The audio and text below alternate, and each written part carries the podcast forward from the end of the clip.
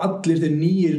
nýjir eða ekki nýjir, prótengjafar eða innhjálpsefni sem, sem við erum að vinna með, þú veist, þeir verða að vera sjálfbært framleitir eða eins, eins umhverjusvænir og mögulegt er. Og þeir verða að geta komið í staði fyrir uh, til dæmis rautkjöt en þeir verða líka bara að geta bætt við allt valið sem við höfum sko. því bara þess að verða miklu fleiri munnar til þess að fæða bara eftir, eftir nokkur ár. Þetta er, þetta, er, þetta er stærsta verkefni sem við bara stöndum fram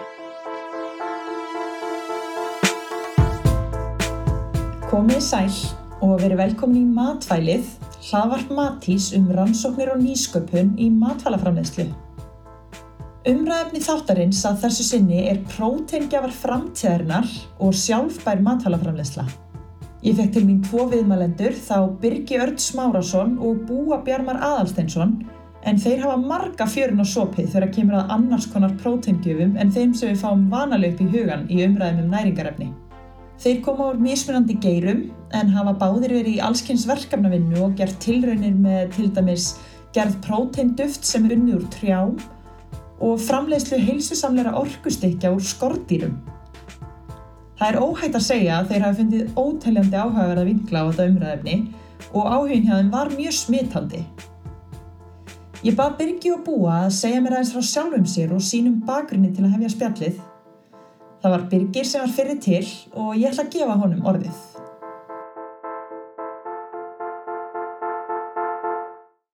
Já, sæl. Um, já, ég er sérst Birgir og er búinn að starfa hérna hjá Matti síðan, ef við getum sagt, ég hef verið hérna síðan svona 2012. Það sem að ég var dregin hérna inn var að gera mastersverkefni í háskólan, Háskóla Íslands og fekk tækifærið að koma hinga og vinna með Mattis að gera þessa verkefnis. Um, og síðan var það rauninni bara var kannski ekkert aftur snúið. Uh, ég var sérst að læra umhverfisöldafræði í Háskóla Íslands og var undan því var ég á Kvanneri uh, landbúna Háskóla Íslands að læra það sem hétt umhverfiskipulag þá. Og hérna og stefna var alltaf sett á að fara í sérst að læra landslagsarkitektur. Það var eitthvað sem ég áhuga á því að og undan því hafði ég farið í Garðarkjöskóla Íslands og lært skrúgarverkju og hérna og var búin að vinna við það í mörg ár. En svo einhvern veginn í hruninu þá hérna fréttið að allir landslagsarkitektir hefði bara mist vinnuna strax sko. Þannig ég ákvaði að fara að læra eitthvað, læra eitthvað annað eitthvað svona aðeins víða, þannig ég endaði í umhverjum söldafræði og hérna og ég hef alltaf átt áhuga á svona náttúrinu og umhverjunu og eins og eins, svo var bara í rauninni tilvillin að ég endaði hér uh, að gera þetta margsverkefni og síðan bara hefur verið að byggja upp minn fyrir hérna. Og hérna er, er verkefnastjóri í dag og hef svona já, síðustu fjögur ár svona svolítið verið að fókusa á sjálfbæra matfráþarmaslu og hef verið að skoða umhverfis áhrif í svona viljaskeðu matvæla. En já, síðust ár mjög mikið verið að fókusa á þessu sjálfbæra matfráþarmaslu og, og svona prótein og matvæli framtíðar En hvað með þig? Já, ég heiti sem sagt Búi og ég er uh, lærður vöruhönnur og áður en ég lærði vöruhönnum þá lærði ég sálfræði og útskriftarverkefni mitt frá listáskólunum vann ég mitt hérna í samstræfi við Matís sem var þá 2014 2015 eitthvað, 15 eitthvað hannig og svona sem, sem að snýri að nýtingu skordýra í matvælaframlislu og svona ekki bara nýting sagt, allt ferli sagt, frá því að hérna, veist, hvaða hvað þú getur nota til að fóðra skortýr hvernig þú getur rækta skortýr og síðan hvernig þú getur nýtt skortýr hvort sem væri þá til uh, beint til manneldis eða sem fóður. En það var svona rannsóknarverkjum mitt síðan beint eftir að ég uh, útskrifast að þá held ég áfram og stopna fyrirtæki með sama markmið. Það er að E, nýta skorti til matvaraframverslu um, sem síðan endaði á því að við set, uh, þróum eina vöru sem kom hérna markað í fjóra dag og en verkefni held í rauninu áfram og við heldum áfram markasetningu í bandaríkjónum um, sem síðan bara lagnaðist út af að því að við sem stóðum að því verkefni höfum ekki tökað í að flytja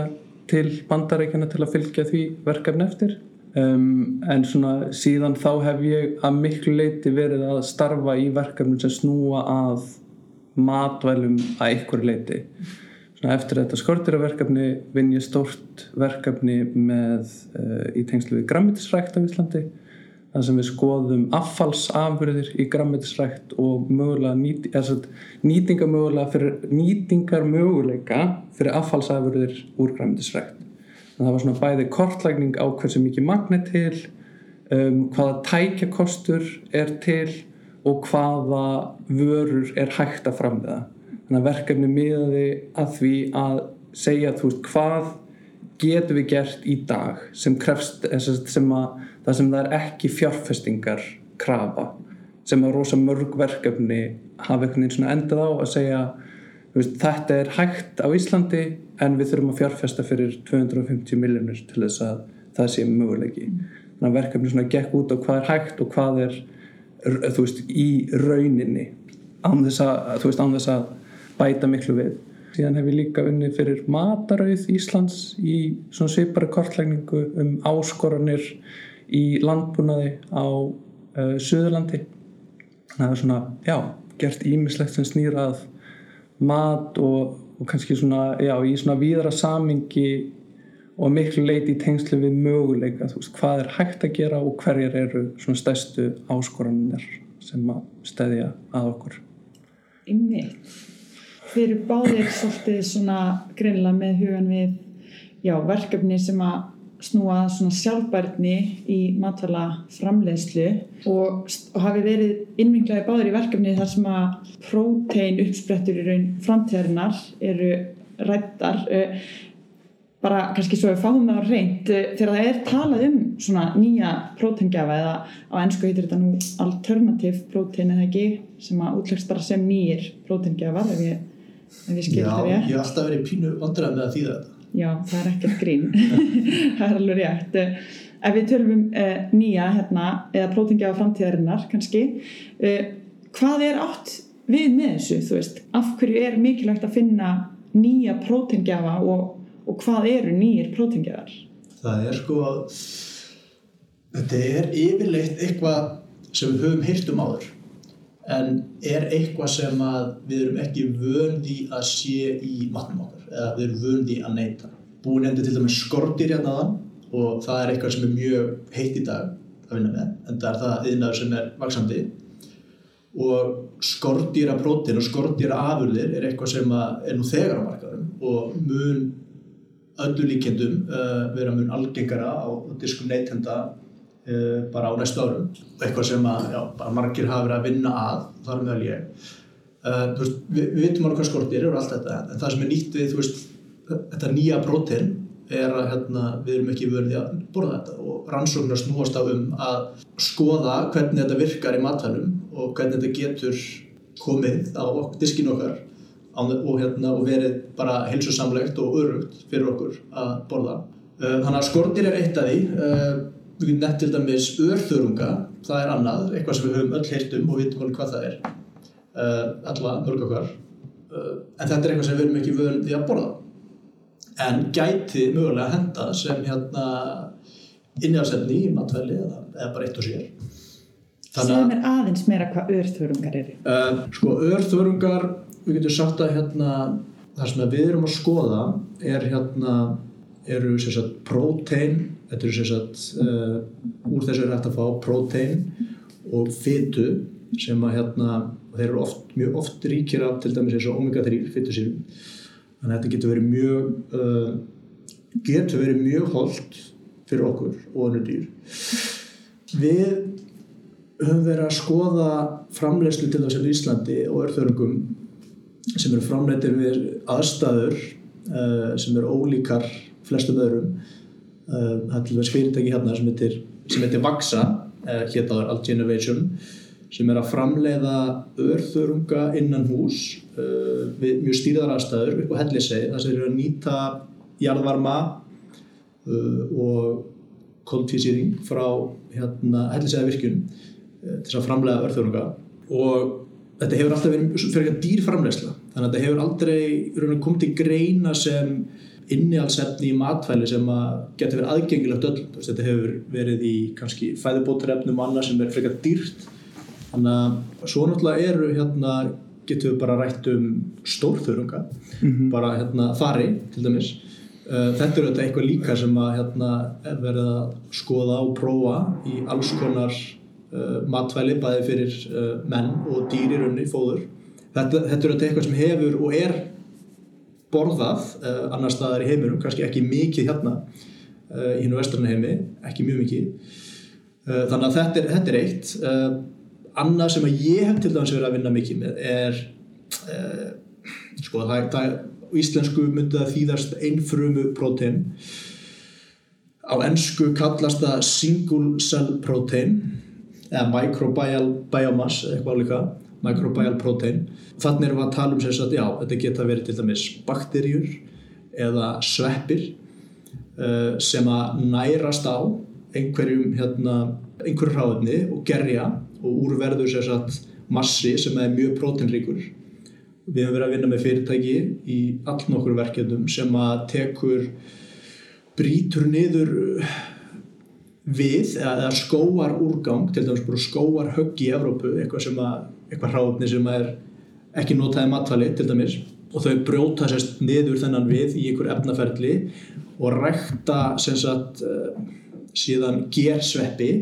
á sikrunum í viðnum þegar búið að brjóta það niður. Úrverð, og hann vex og vex og vex og úrverður sagt, mjög próteinríkur massi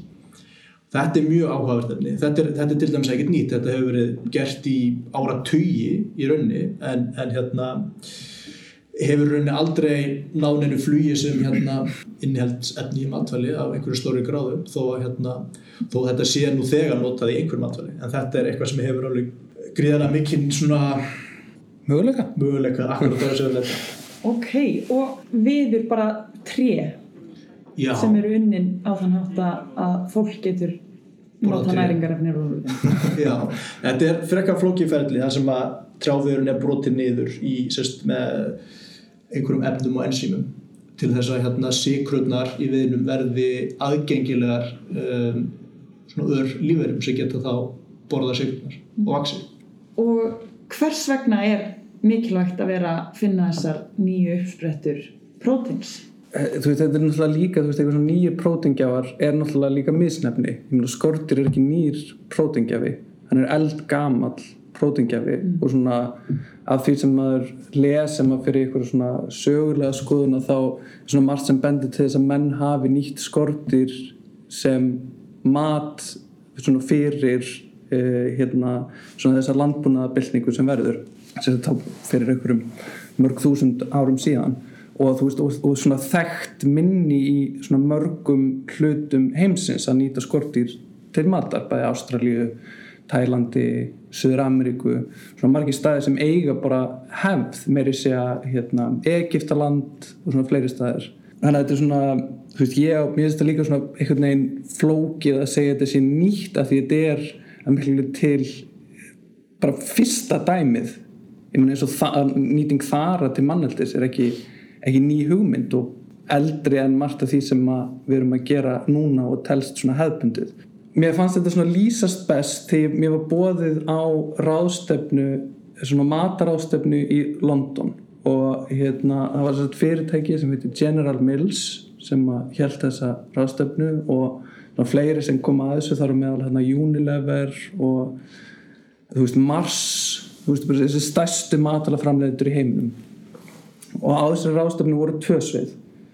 Og ég man ekki hvað þau hétu en þegar ég var spurðið hvernig þetta hefði verið þá sagði á einu sviðinu var verið að tala um hvernig verið hægt að plata fólk til að borða eitthvað og á hinu sviðinu var verið að tala um hvernig er hægt að veist, í rauninni gera heilnæm matvæli og þú veist að það var svona miklu til vísindamenn á sviðinu sem voru að tala um hvernig er actually hægt að búa til heilnæm matvæli og mikið svona markas og viðskiptafræðingar á, á hinu sviðinu. Hvernig getum við talið fólki trúum að eitthvað sé heilnæmt? Þú veist ég held að þetta, veist þetta lísti svo mikið vandanum. Þú veist ég held að þessi gott dæmi er hérna mikró bræðefni sem er þess að eitthvað tæknið það getur brotið niður eins og salt í svona mikroskopik eindir og með því að setja þetta í matvæli þá getur dreigið rosalega úr magninu af bræðefnum sem þú setur í matvæli. Sem þýðir að því að yfirborðsflöturinn á á hérna, bræðöfninu eikst að þú þarfst minna af því til þess að fá sömu áhrif. Þú þarfst að nota minna salt. Um, en þú veist, nýðustadan af öll þessu verkefni var það vill enginn borða mikró matvæli af því það hljómar skrítið. Þannig að ég held að alltaf, veist, og þegar ég kem að þessu þú veist, þú kem úr svona veist, ég er í vöru hönnun sem að snýra þú veist, að bæða náttúrulega framlýsluferlinu og þróunavinnunni sem er, þú veist, hvernig getum við framlýst þetta? En síðan er, held ég, stærsta spurningin hvernig er hægt að innleiða þetta? Veist, hvernig getum við fengið fólk til þess að taka þessu fagnandi eða, þú veist, allavega að kaupa það. Og ég held að svona í því eru svona tvær leiðir. Það er annars vegar unnin matvæli það sem að þú veist, varan er að einhverju marki falin inn í matvælunum þú veist, sem er bara mjög viðtekið. Það er svona, þú veist, af einhverjum unnum matvælum held ég að þú veist, ef þú spyrði eitthvað hvað er þetta að borða að þá geta þið kannski talið upp eitt eða tvö af þeim innhaldsefnum sem eru í matnum á meðan hitt er eitthvað sem að, þú veist, við bara nennum ekki að lesa í innhaldsefna lýsingunni þannig að þú veist, það sér maður alveg sem ein leið sem er náttúrulega daldi svona ég veit ekki hvort það er hægt að segja óheðaleg en þú veist að það er allavega ekki kannski komið þá reynd fram með hvað er í matniðinum. En það er alveg klár leið að þannig getur tekið alls konar uh, prótein, sigrur setta inn í matvæli án þess að þurfa að útskýra í einhverjum smáadröðum hvað, hvaðan það kemur eða þá að reyna að vekja fólk til umhugsunar um nöðsinn þess að breyta til og bæta við nýjum prótengjöfum sem eru þá, þú veist, hafa þá eitthvað fram yfir það sem er í bóði í dag. Og ég held að svona heilt yfir er markmiðið í tengslu við nýja prótengjafa að minka umhverfisáhrif. Þú veist, að draga þá úr mengun, kólefnisspori vassnótkun ég held að þetta er svona yfir það heila lovorðið á bakvið nýju prótengjafana er að þeir hafi þetta fram yfir raukt kjöt eða svona veist, kjúklinga eða fisk eða svona það sem við kannust við eða þá að nýta einhverjar afurðir sem eru þá farið í súgin þannig veist, eins og bara úr er, er ekki viðurinn, er þetta ekki svona tengt pappaframlöslu, er það rugg í þessari Sko það, þess að ég var að tala um aðar sko, það er hérna við höfum verið að vinna með fyrirtækjum sem er að nota tverskunni aðferði sko. annars verður það sérst, að nýta beint þennan harða við sko, mm -hmm. það sem hann er brotið niður. En svo er líka verið að nota sérst, það sem er runni, hvað sé ég úrgangsefni eða hliðarafurð úr cellulósafælmesslu það sem er verið að það sem er notað í pappir eða eitthvað. Uh, og það er notað líka í, í svona samskonar samskonar vörur það getur alveg komið í gerina Þannig að þetta sé um þú veist, á, þú veist ótengt. Auðvitað tengist það náttúrulega kolumnsbrú líka. Þá nýtu við eitthvað lífmassa sem að alla jafna fer bara í hérna niðurfallið eða í urðun til þess að þá koma orkunni aftur inn á neytundamarkaða eða koma því aftur í ringrásunar þannig að svona stærsta verkefni er náttúrulega að koma þessu inn á markaðin og svona kannski flóknasti hlutin af þessu að því að við vitum hvernig við höfum að gera þetta. Þannig að já. Ég held að hérna alveg rétt sem það segir og það má kannski bæta við líka að veist, spurningin af hverju við þurfum nýja eða fleiri að þú veist við þurfum líka að bæta frambóði sko. við þurfum að hafa fleiri valmöguleika uh, þegar við erum að tala um matvæli eða innhjálpsefni í matvæli. Uh, við þurfum svona við þurfum að breyka af því að þú veist bara eftir einhver örf á ár þá, þá voru að fara að fæla kannski bara 10 miljardar en það er fyrir þú sjö núna. Þetta er ærið verkefni og þú veist við erum nú þegar að ganga mjög hratt á allar öðlindir jarðarinnar þetta verður gríðalega flókið erfitt verkefni. Og allir þeir nýjir, nýjir eða ekki nýjir uh, prótengjafar eða innhjálpsefni sem, sem við erum að vinna með þú veist þeir verða að vera sjálfbært framleitir eins, eins umhverjusvænir og mögulegt er. Og þeir verða að geta komið í staði fyrir til dæmis rautkjöt en þeir vera líka bara að geta bætt við allt valið sem við höfum sko. því bara þess að verða miklu fleiri munnar til þess að fæða bara eftir, eftir nokkur ár þetta er, þetta, er, þetta er stærsta verkefni sem við bara stöndum fram með fyrir Það er greinilegt að áskoranir í kringum prótengjafa fyrir fólki í heiminum eru margar og augljósta betri nýting og meiri fjölbreytni en nöðsileg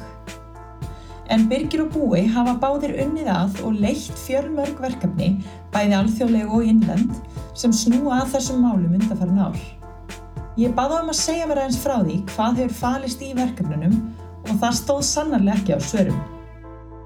Síðustu kannski einhver 6-7 ár í runni þá, þá hafa þetta verið verkefni sem að hafa snúist að mörgur leiti um til dæmis skortýraprótini og þetta innfrumuprótein og þessa örþörunga það hefur verið svolítið þema í þessu verkefnum og þau hafa verið uh, nokkur með ýmsum aðlum og eins og þú segir, bæði innlendum og erlendum. En mikið til hafa þetta verið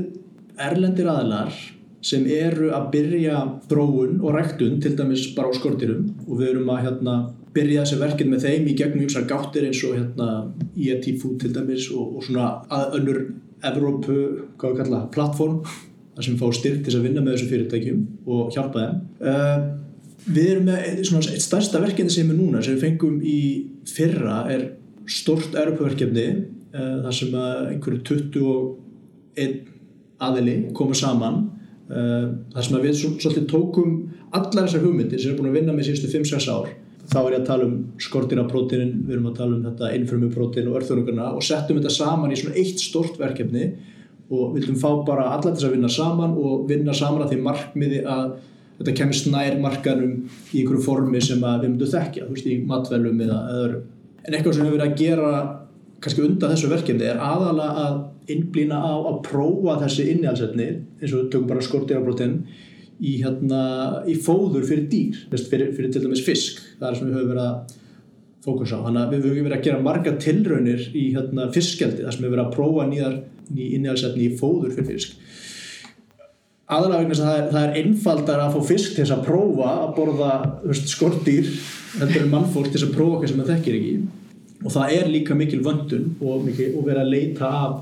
sérst, sjálfbærum innhjálpsefnum í fóður til dæmis í fiskjaldi og, og fyrir aðra skefnur þannig að það, það er mjög góður hérna, svona grundöld til þess að prófa hvort að þessi til dæmis skortýraprótin bara hvernig það, hvað áhrif það hefur á vöxt til dæmis fisk, fiskins þannig að við höfum mikið verið í því en núna erum við svolítið komin meira komin með þetta út í matfæli til dæmis í þessu nýja stóra verkefni.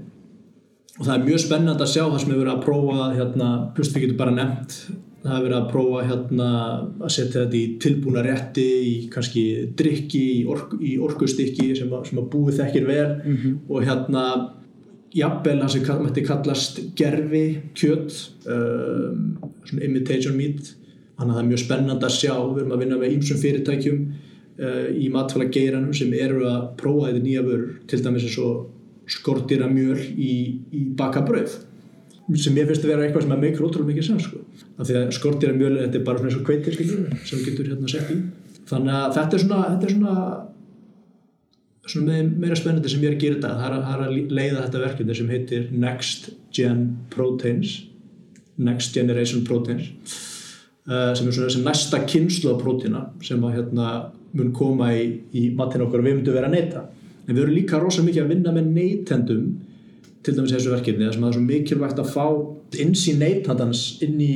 hvað hann vil borða og hvernig hann vil borða það. Veist, og hvort hann sé, ertu í ákværi garð uh, hvernig, hvernig horfur á það að borða vöru sem eru með skortýraprótun til dæmis? Getur hugsað það? Og villu smakka það? Og ef, þú smakkar það hjá okkur, þú veist, hvernig finnst þér það þannig að hérna, það gefur mjög áhuga að vera einsinn inn í framtíða markasetningu þessar afra Einmitt og búið, þú hefur nú reynslu í þessum efnum, þú komst inn í rauninni með nýja hugmynd í matfælaframlegslu með skortýra afurðum. Mm -hmm. getur þú sagt okkur svolítið frá þessu? Já, við að við hérna unnum að þessu verkefni í einhver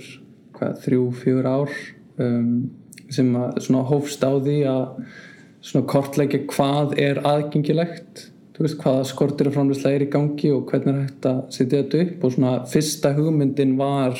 að rækta skortir að vinna skortir að e, verða framleyslaðali í unnum unni matvöru dreifingaræðili og e, sagt, þróa vörumerki samlega þessu sem kom svona ljós að væri daldi yfirgrips mikið verkefni og við þurftum kannski aðeins að einfalda struktúrun svona ljósaðis líka að við vorum ekki mjög stort fyrirtæki Ok. á þeim tíma. Þannig að við svona byrjuðum í rauninu bara að skoða í rauninu þennan endapart á því frá því að uh, það bara vöruþróunina uh, og vörumerkið. Þannig að við sagt, þróuðum vöru út í Kanada með krippubændum þar sem við fórum á heimsóttum og fengum til að leysa okkur bara fyrirtæki sem sérhefið sig í framleiðslu á orkustykkjum. Þá þú veist eru ekki með eigið vörumerki en bara framleiða fyrir aðra bæði stóra og litla. Og við tengdum bara saman þessa tvo aðala þessa krippubændur og sagt, vöruna sem þeir voru að setja í marka sem var svona mjöl eða skortir mjöl í rauninni unnið úr uh, krippum og nýttum það síðan til þess að þróa orkustykki sem komu á markað í mjög stuttan tíma á Íslandi. Ok. um, og voru síðan sett bann við uh, já. Býtum við, hvers vegna var það? uh, í rauninni þá er Ísland er hluta eða tekur upp mikið reglugjörnum frá að en við erum ekki hluta þessu sambandi en langmest af því sem að veist, öllum reglugjörðum eru bara beinþýttar þaðan. En málega er að það tekur langan tíma fyrir þessar, eða svona misjamt en oftast tekur það aldrei tíma fyrir reglugjörði sem fari gegnum Evrópusambandi að koma til sagt, verða virkar á Íslandi. Um, og þegar við leggjum að stað með þetta verkefni að þá var sagt, engin reglugerð sem beindist eða tengdist í rauninni skorturum virka á Íslandi og þetta var alveg skýrt þegar við töluðum við matalastofnum að í rauninni gildi þá bara sömu reglur og um almenn að það þarf að vera heilnæmt það þarf að tryggja framleyslaðarinn séu vottaðir og veist öll inni allsefni séu hafi slíka vottun sem var fyrir hendi. Síðan sem gerist það á sögum tíma, eða bara sama tíma og varan kemur hingað til landsins að þessi reglugerð um ný, nýfæðis reglugerð tekur gildi sem er eitthvað svona óljóstasta reglugerð sem að hefur verið bara innleit, eða bara skrifuð hún segir henni eða þú veist það er erfitt að segja reglugerð þetta er meira svona eins og hérna eru alls konar reglur og þeir megi daldi velja hvað það þýðir. Um, og þar með var talið sagt uh, skordýr. Og svo virtist vera að hvert land gata einhverju marki tólka þessar reglur eftir eigin höfði. Eða svona, gæti sagt veist, að hversu miklu leiti þetta átti við um alls konar hluti. Og þar inni var líka þetta hvað er það, 1995 1993 Sett, ef vara hafði ekki sögu um neyslu eða markasetningu í ykkur landi þetta er eitthvað svona fyrir 1995 að þá þyrft hún að fara í gegnum uh, eitthvað svona skrásetningafelli hjá Európa-sambandum og þannig undir voru til dæmis chíafræ sem að útskýrar okkur chíafræ voru ekki aðgengilega í Európu fyrir mjög sent í runni um, af því að þau hefði ekki sögum markasetninga að sölu og þurftu þar að leiðandi að fara í gegnum þetta ferli og að fara í gegnum eitthvað svona vottunarferli hjá Európa-sambandinu er ekki einhvað sem að smá fyrirtæki geta gert. Þannig að þú veist það voru held ég, ég man ekki hversu mörg fyrirtæki komið saman til að koma tíafræðum á markaði í Evrópu. Sem þetta er svona galið og það sem að gera síðan í framhaldinu er að, að matalastofnun ákveður og þú veist og núna er ég náttúrulega bara að segja þetta frá minni hlið og, og við stóðum náttúrulega bara í stríð. Eða þú veist við töluðum fyrir ofnum dyrum um ástandið og skrifum það í blöð bæði svona fram og tilbaka bæði matalastofnun gegn okkur og við gegn matalastofnun og sem að í rauninni bara þú veist endaði því að þessu að þetta væri að markasetning og sala á afrum sem innihalda skortir væri bönnuð á Íslandi Um, og síðan þá hafa nú verið alls konar vendingar innan Európa-sambandsins og þar á meðal held ég 2019 sem kom svona ný tólkun á þessari reglugjörð sem að sæði að við ættum nú svona kannski að miða meira að því að koma þessum vörum á marka heldur en að takmarka aðgengja þeim en ég hef nú ekki alveg fylst með að hversu miklu leiti innleggingin hefur verið hérna á Íslandi hvort að þessas nýju reglugjörði séu komnar í gildi og þú veist ég er ekki regluverks sérfræðingur þannig að það er svona þú veist sumar sumt er reglugerður og sumt er einhver minnisblöð sem er þá geta verið innleitað einhverju marki en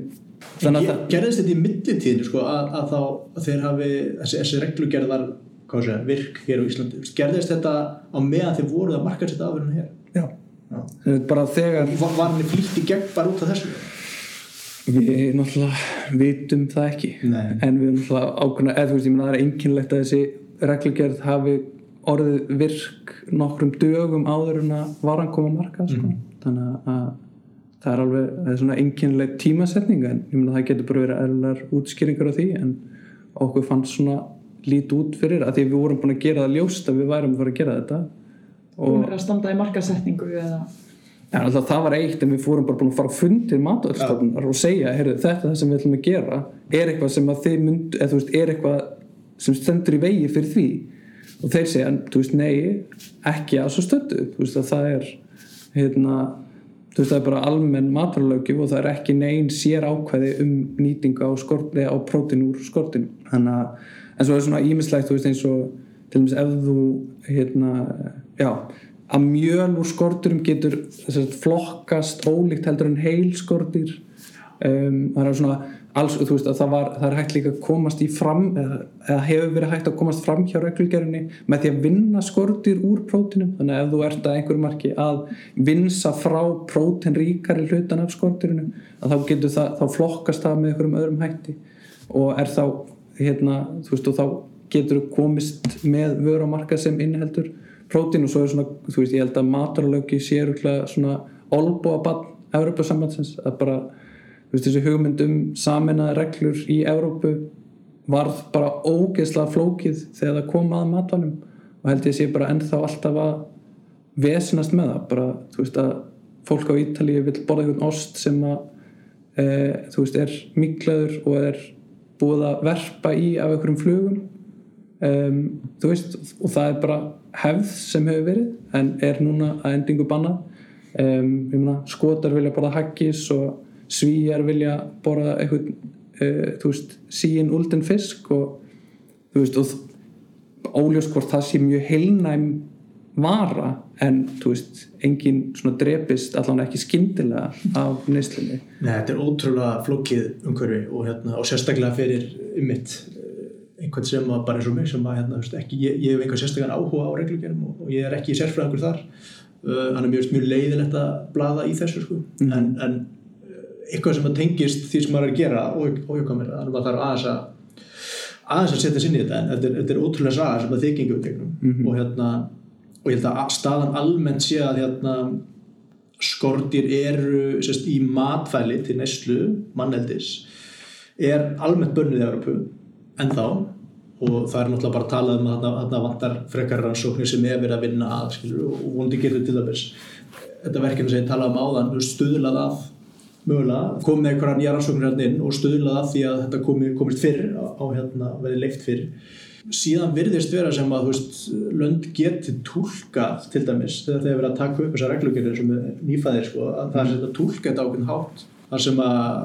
skortir geta verið leið eða þau séu hvítlistuð innan þessar landa vegna þess að við vitum að í Belgíu, Finnlandi og einhverju löndum þar er þetta leift sko upp að einhverju vissu marki. Þar hefur bara, hafa þessi lönd bara ákveðið það sko, ég, ég kann ekki skýringa á hvernig þetta er gert en, en þetta virðist vera hægt Já. ef að vilja fyrir hendi. Vegna þess að þarna eru sannlega skortir að vera ámarkaði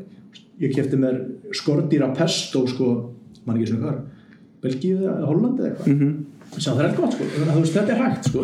En þetta er flókið umhverfi. Og hérna eins og staðan í dag eru skortir engangu leið í fóður fyrir eldisfisk. En þetta verður vonda breytast. En ég held að það sé náttúrulega líka svona hitt sem er spennandi í þessu og tengist í rauninni ekkit bara prótínum heldur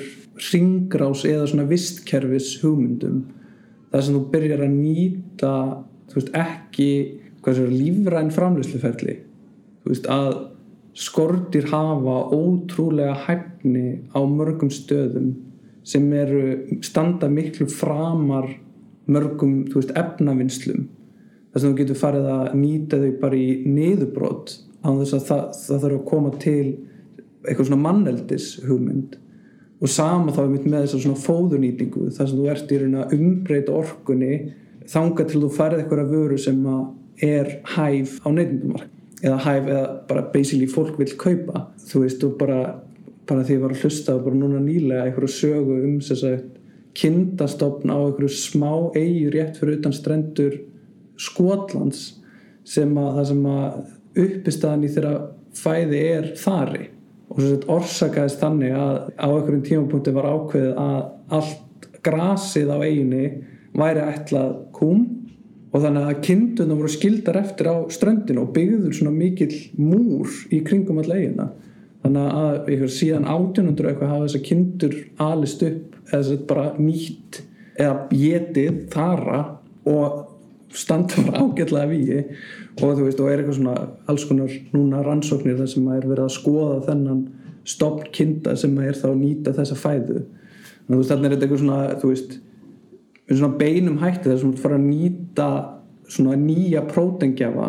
en þá ert það umbreytað í kindakjött mm. sem er þá, þú veist, bara viðtekið til neistlu, var alveg, þú veist, áhugavert að skoða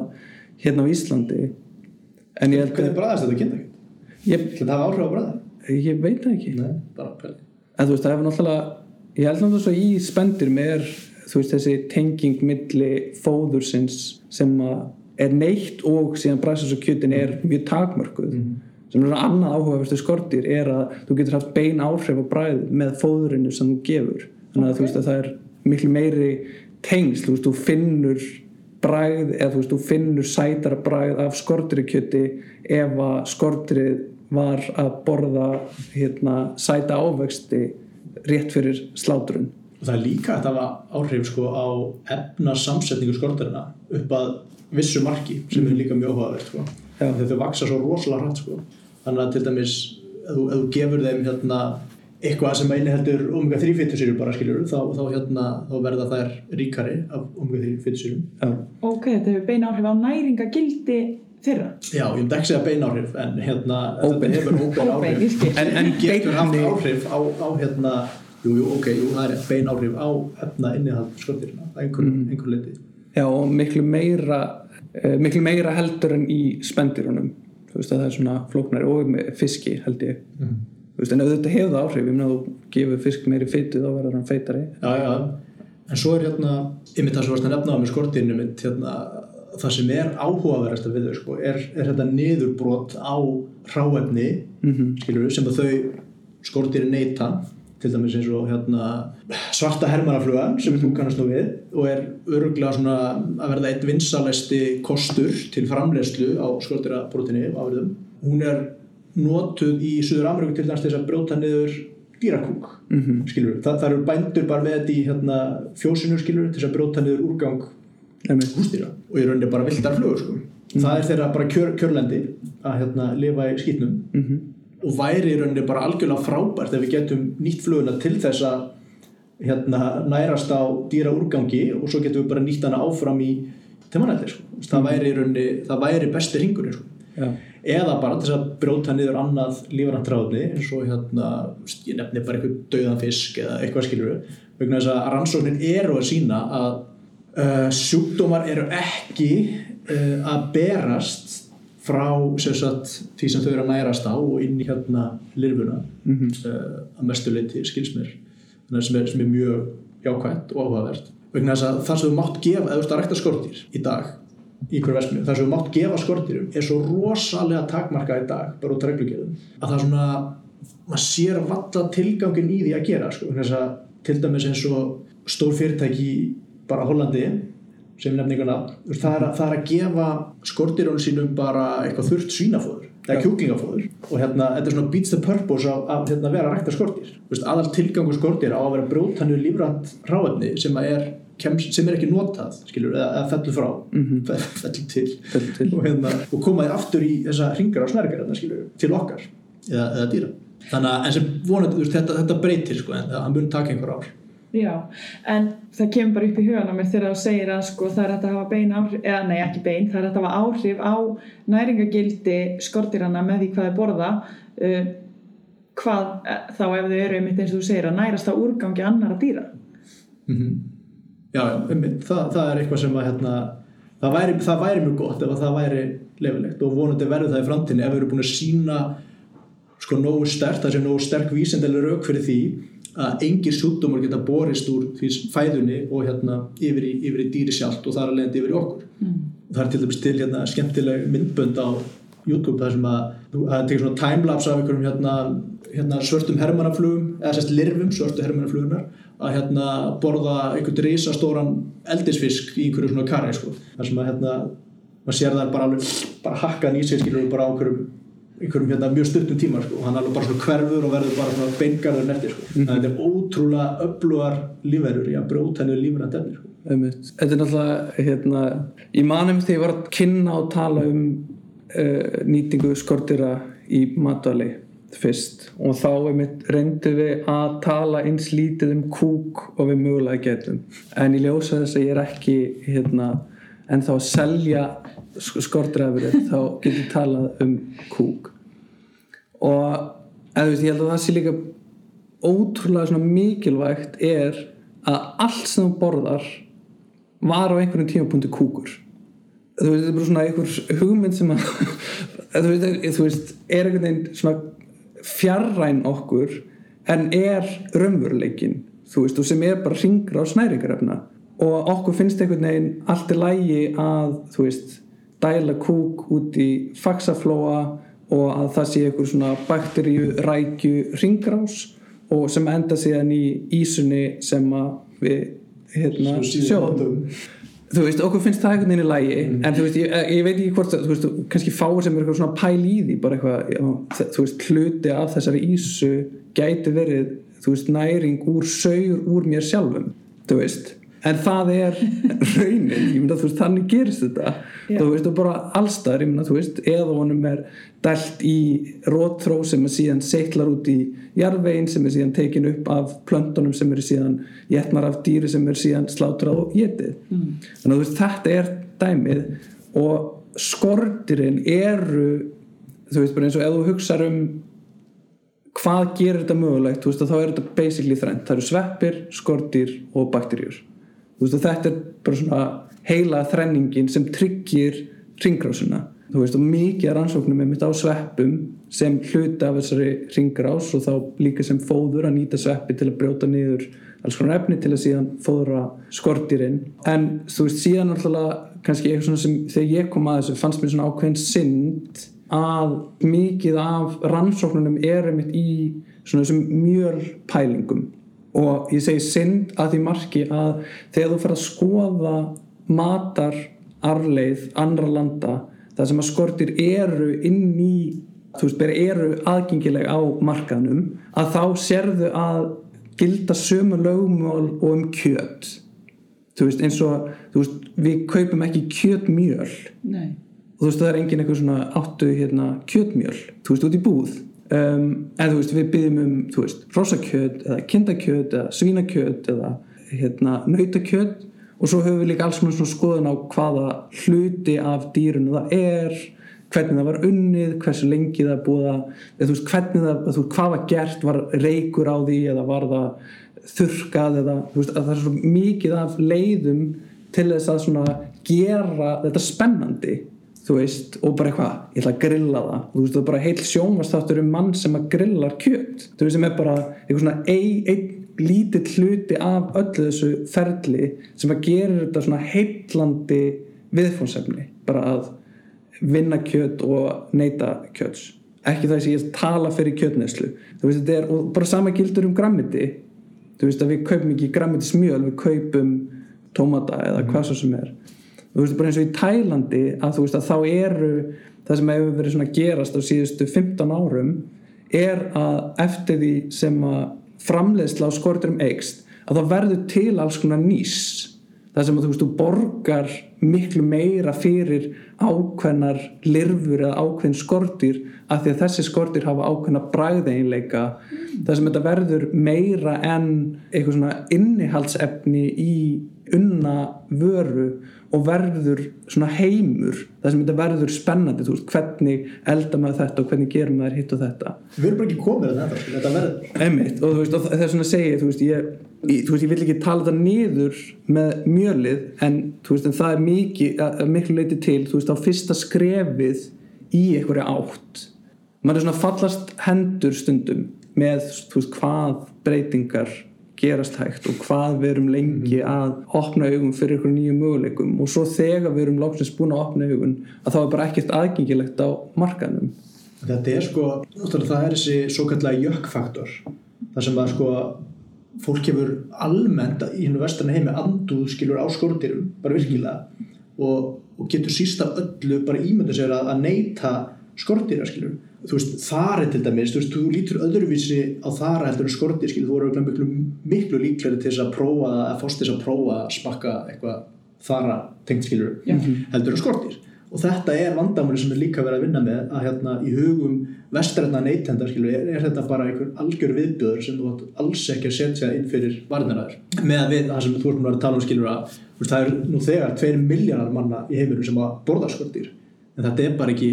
þetta er bara ekki okkar kultúr sko. það er sem svona nor norræna kultúr, sko, bara alls ekki. Þannig að veist, byrjum þarna sko, byrjum á því að prófa þetta sem innihaldsefni í brauð. Ok, hérna er brauð með skortýraprótini bara er þetta ekki bara alltaf, bara uh, síðan getum við farið hitt skilur Já, en ég held svo þú veist að bara hérna, þú veist, ég er ekki draga úr þessu, en maður sér það þú veist, gaman að ko- komast lengra. En ég held líka með þetta svona vinslu hlutan að nýta skortir í niðurbrotið er ótrúlega spennandi. Það sem að þú veist líka matvæli og eða veist þetta, það sem þetta verður heildra en það sem við erum með, ég meina bara eins og timbur þú ert með byggingaræðina sem að talar til matvælaframleyslu eða þú veist, þú ert með skórækt og matvælaframleyslu, það sem þú byrjar að tengja saman bæði þá lífverur og lífkerfi og nýta til þess að umbreyta orkunni sem geta síðan þá komið aftur inn á markaðin veist, ég held að það sé svona kannski raunsægasta lausnin á, þú veist, einhvern svona innan einhvers tíjar og ramma að þetta verði viðteknara. Bara þú veist eins og með hvort sem það er niðurbrot á, á hérna uh, flór eða, eða þú veist hvar við erum að nýta þetta inn í keðjuna verður mjög spennandi og líka bara í, þú veist, jarvegs gæði, að þegar maður sér það að, ég meina, þú veist, fólk sem er að rækta plöntur út í garði, það vil hafa ánamaðka í moldinni. Og það er ekki þetta ástæðu lausu, þú veist, að þeir lofta jarvegin og þeir auka tækifæri e, rótana til að komast onni í jarvegin, þannig að það er alls konar hlutir þar sem við getum byrjað að nota miklu markvissara þessa eiginleika skorturina til þess að bæta jarvegsgæði sem að ebla þá framlýslu getu landsins og þar fram til göttuna það sem er svona getur byrjað að tengja saman öll þessi vistkerfi til þess að ebla og gera framlýsluna þá umhverfisvætni bara í rauninni í framhaldi á þessu og kannski að lokum hvernig sjáu þið fyrir ykkur framtíðina í þessum málum? Þeir eru búin að koma aðeins inn á það en, en eins og til dæmis hvernig er innlegg rannsóknana að fara að koma inn í þessa umræðu og hvernig sjáu þetta fyrir ykkur eftir 5 ár, 10 ár eða 50 ár Þannig að fyrst og fremst vona bara að það sem það er að gera í, í hérna, þessu verkefnum og bara sínu rannsóknum er að leggja eitthvað til uh, þannig að þetta eigi uh, auðveldara með að komast til neytenda og. Skilur, Það, það sé svona ultimate goal. Uh, þannig að við erum að flýta fyrir með rannsóknum og öllum þessum prófunum uh, að þetta eigi einhvern möguleika á markaði og það að neytendur muni þekkja vöruna og hérna og séu tilbúinir að allavega, allavega að prófa hana. Um, svona þetta snýst um það kannski að vissu leiti en svo er þetta líka með náttúrulega framleiðuna sjálfa að veist við verðum að hjálpa þeim uh, þessum, þessum fyrirtækjum sem eru að byrja um, við verðum að hjálpa þeim í gegnum rannsóknir að ná til, veist að koma upp bara sínum, sínum framleiðslum og að ná til hérna neytendana að lokum. Þannig að þetta er svona, það, það er margt sem þarf að ganga upp til þess að svona ný virðiskeiðja verði til. Og út af það snúast þessi verkefni sko. það er, er rauninni það. En svo eins og búið var að segja á þann að það er stundum mjög sorglegt hvað hlutinir gerast hægt sérstaklega þegar kemur eitthvað nýju og sérstaklega þegar kemur á matvælum. Og það er, það getur verið alveg gríðarlega bara erfitt að horfa upp á það skilur að það bara, það gerist ekki neitt stundum og hérna regluverkin veist, þau, þau breytast gríðarlega hægt. Um, rannsóknir náttúrulega taka kannski langan tíma. Um, neytendur eru lengi að taka við sér. Næst, þetta, þetta er náttúrulega þetta er gríðarlega langt verðli en þetta er, þetta er það mikilvægt að við þurfum nöðsyn á þess að halda þannig að ég vona bara að alltaf eftir fimm áskilur þá, þá verðum við mjög nálægt í að fá og þá nefni ég aftur þessi, þessi hérna, þrjú segjum prótein sem, sem ég er búin að vinna með sko, sem, er, sem eru skortirinn einu frumuprótein og, og hérna örþóragrönd þá vona ég eftir fimm ára að þetta verði svona byrjað að koma almenlega á markað og kannski sem innjáðsefni í mattali og, og svo eftir tíu ára þá verðum við bara hreinlega á þeim stað að það verður engin valkostur heldur en að stór hluti af okkar hérna, intöku af nærgarefnum verði bara úr þessum sjálfbæru uh, segja, stofnum af, hérna, af mat. Þannig að ég, ég held bara eftir tíu ára þá verður við bara á þeim staðskilur það verður ekki valkostur. Mm -hmm. og ég vona bara ef það gerst ekki að sjálfur sér að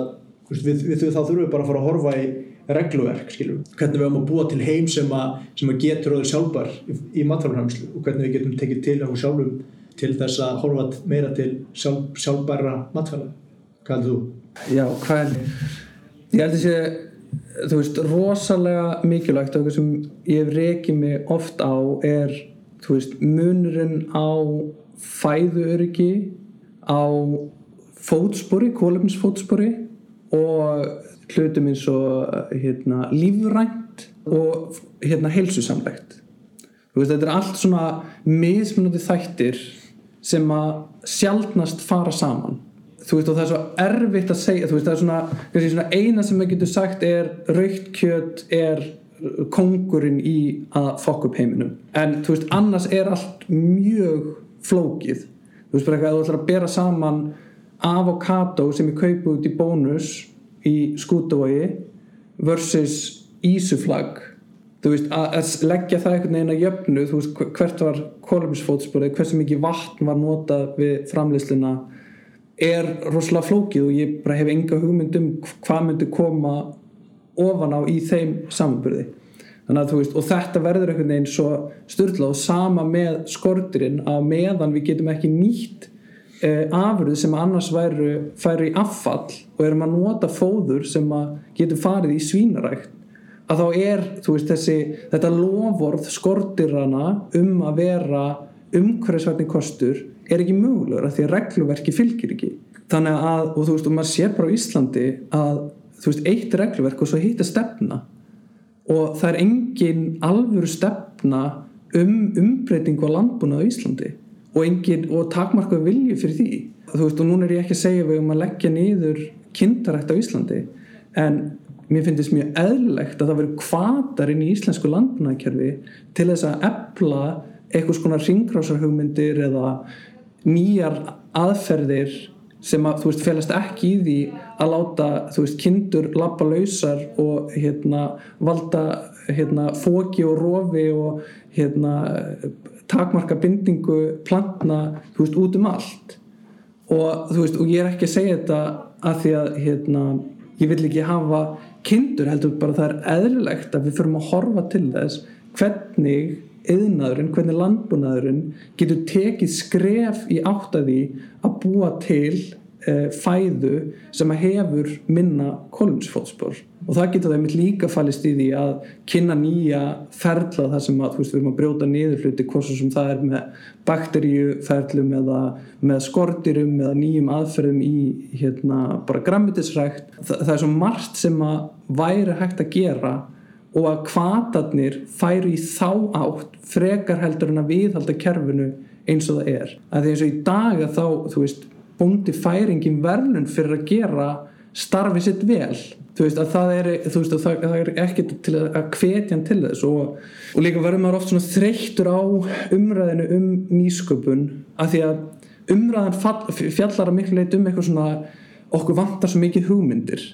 En ég hef aldrei hitt bonda og ég hef talað við á nokkra bæði græmiðsrækt og á öðrum sviðum sem vantar hugmyndir. Þú veist þeir vita allir hvað, hvað þeim langar að gera þú veist að tala allir um þú veist ég var til í að vera með umhverfisvænar pakningar fyrir mínu vöru. Það er bara ekki til. Mm. og það sem er til er þú veist, ó, þú veist það er að flytja sjálfur til landsins? Það er ekkert sem að aðstofum og það er engin kvati til þess að breyta þó ég mér langi það. Og þú veist og líka bara þú veist vandin er landbúnaði líka nýliðun. Þú veist að það er ekki fólk segir þú veist ég ætla að halda áfram en börni mín mun ekki taka við. Þannig að þú veist þetta verður einhvern veginn svo galið að við séum ekki að nýta þessi svona stjórntæki sem við höfum sem er stefna, sem eru styrkir og sem er alls konar kvata sem við getum sett inn í kerfið til þess að þetta verði að raunveruleika. Og það mun taka tíma. Veist við verðum að þrauka daldið, þú veist að byggja upp þessa framleiðslu og gera hana stöðu að þannig að varan geti verið framleitt, þú veist ég meina það verður hægt að framleiða skortir á Íslandi sem er mörguleiti mjög ákjósanlegu kostur, þú veist á Íslandi eru aðstæður sem að hafa ekki sum, sum áhættu þætti og margir staðir í Evrópu. Þannig að þú veist ef við bara ímyndum okkur að það kemur upp eitthvað slís og það myndi sleppa þú veist mörg hundru miljónir engisbretta eitthvað staðir í miðri Evrópu þú veist að það gæti haft mikil eða geigvanleg áhrif fyrir bæði lífkerfi og bara landbúnað en ég menna að þú sleppir skiptir ekki máli hversu mörgum engisbrettum myndi sleppa á Íslandi hefur engin áhrif, það myndi bara drepast eiginlega um leið nema þú veist að það myndi slepp út þannig að 20. júli og myndi þá mögulega lifa fram á 20. annan mm. eða hannig mm. þannig að veist, það sem að veist, áhættan er ekki til staðar sem að þú veist margir náttúrulega líka tala um í skortir að rækt að þú veist sem er svona eitt er fæðuöryggið og svo hitt er hvort að þetta geti haft einhverja svona aðra áhættu þætti eins og að hafa áhrif á lífkerið að fara út og, og sleppa. Þú veist og margir sem hafa mitt þessa hérna, hérna killer bee drápsbíið sem að slapp í Söður Ameríku til sem fyrirmynd það sem að, veist, að sleppur ykkur lífverða út í lífkerfið sem að hefur mikil áhrif. Það er líka svona hræðslan. Um, þannig að það er svona margt á Íslandi sem að þetta gæti gæst en það mun ekki gerast fyrir en að það verða kvatar af því að það er engin bóndi að fara að leggja í veist við erum með alþingi sem er kostið til fjör ára og bændur hugsa í ástíðum og þeir hugsa alveg fram í tíman en þeir eru ekki að fara að fjárfesta í lausnum fyrir næstu 30 ár. Og þú veist þannig að það verður að einhvern veginn spila saman og það verður að vera kvatar til þess að koma þessu eitthvað áleiðis eitt er að kynna vöruna fyrir neytendum og svo líka bara hún sé aðgengileg. Held ég að hljóta vera og strax að þetta fer að einhvern veginn vera heildræn nálgun um, það sem er veist, hugsað um alla þættina að þá gætu við farið að sjá einhverja breytingar. Og ég er líka bara ef við fáum bændastéttana með okkur lið. Ég held að það sé svona fáið sem átt að segja á hversu mikil ítök þeir hafa sérstaklega þegar kemur að landbúnaði. Um, þú veist með að kanna nýja leiðir að þá þú veist myndi koma mikil svona reyfing á hlutina. Og sérstaklega að því að þeir hafa mikið að segja um reglugerðnar og um umhverfið. Ég held að það væri svona vonandi allan svona í íslensku samingi en í einhverju svona alheim samingi þú veist að þá held ég miklu leiti til eigið að sama við. Að veist, þetta verður að vera staðbundið. Þú veist eins og þú ert með hérna, veist, mikla ostaframlislu á einum stað og þá fer að skoða skortir sem geta brotið niður úrgangsefni úr ostaframlislu ert með pappisframlislu á einum stað og þá fer að skoða hvernig þú getur tengt saman bakterýr eða lífkerfi sem er tengjast framlislan á hverjum stað. Mm. og þá getur þú veist byrjað að byggja upp ferla og mat sem getur komið inn á markaðin sem er þá í tengslum við aðstæðnur og hverju, hverju svæði. Sjálfbært saðbundin matfélagframlæsla Bingo. Bingo. Magna, það er greinlega á nógu að taka og, og mikið rými til bætinga greinlega bæði innanlands og í heilnum Það er óhætt að segja það. Já, það er óhætt að segja það. Uh, Ég bara þakka ykkur kella fyrir spjallið, þetta var mjög áhugaverð samantækt af þessu máli. Takk hella fyrir. Já, takk fyrir, takk fyrir.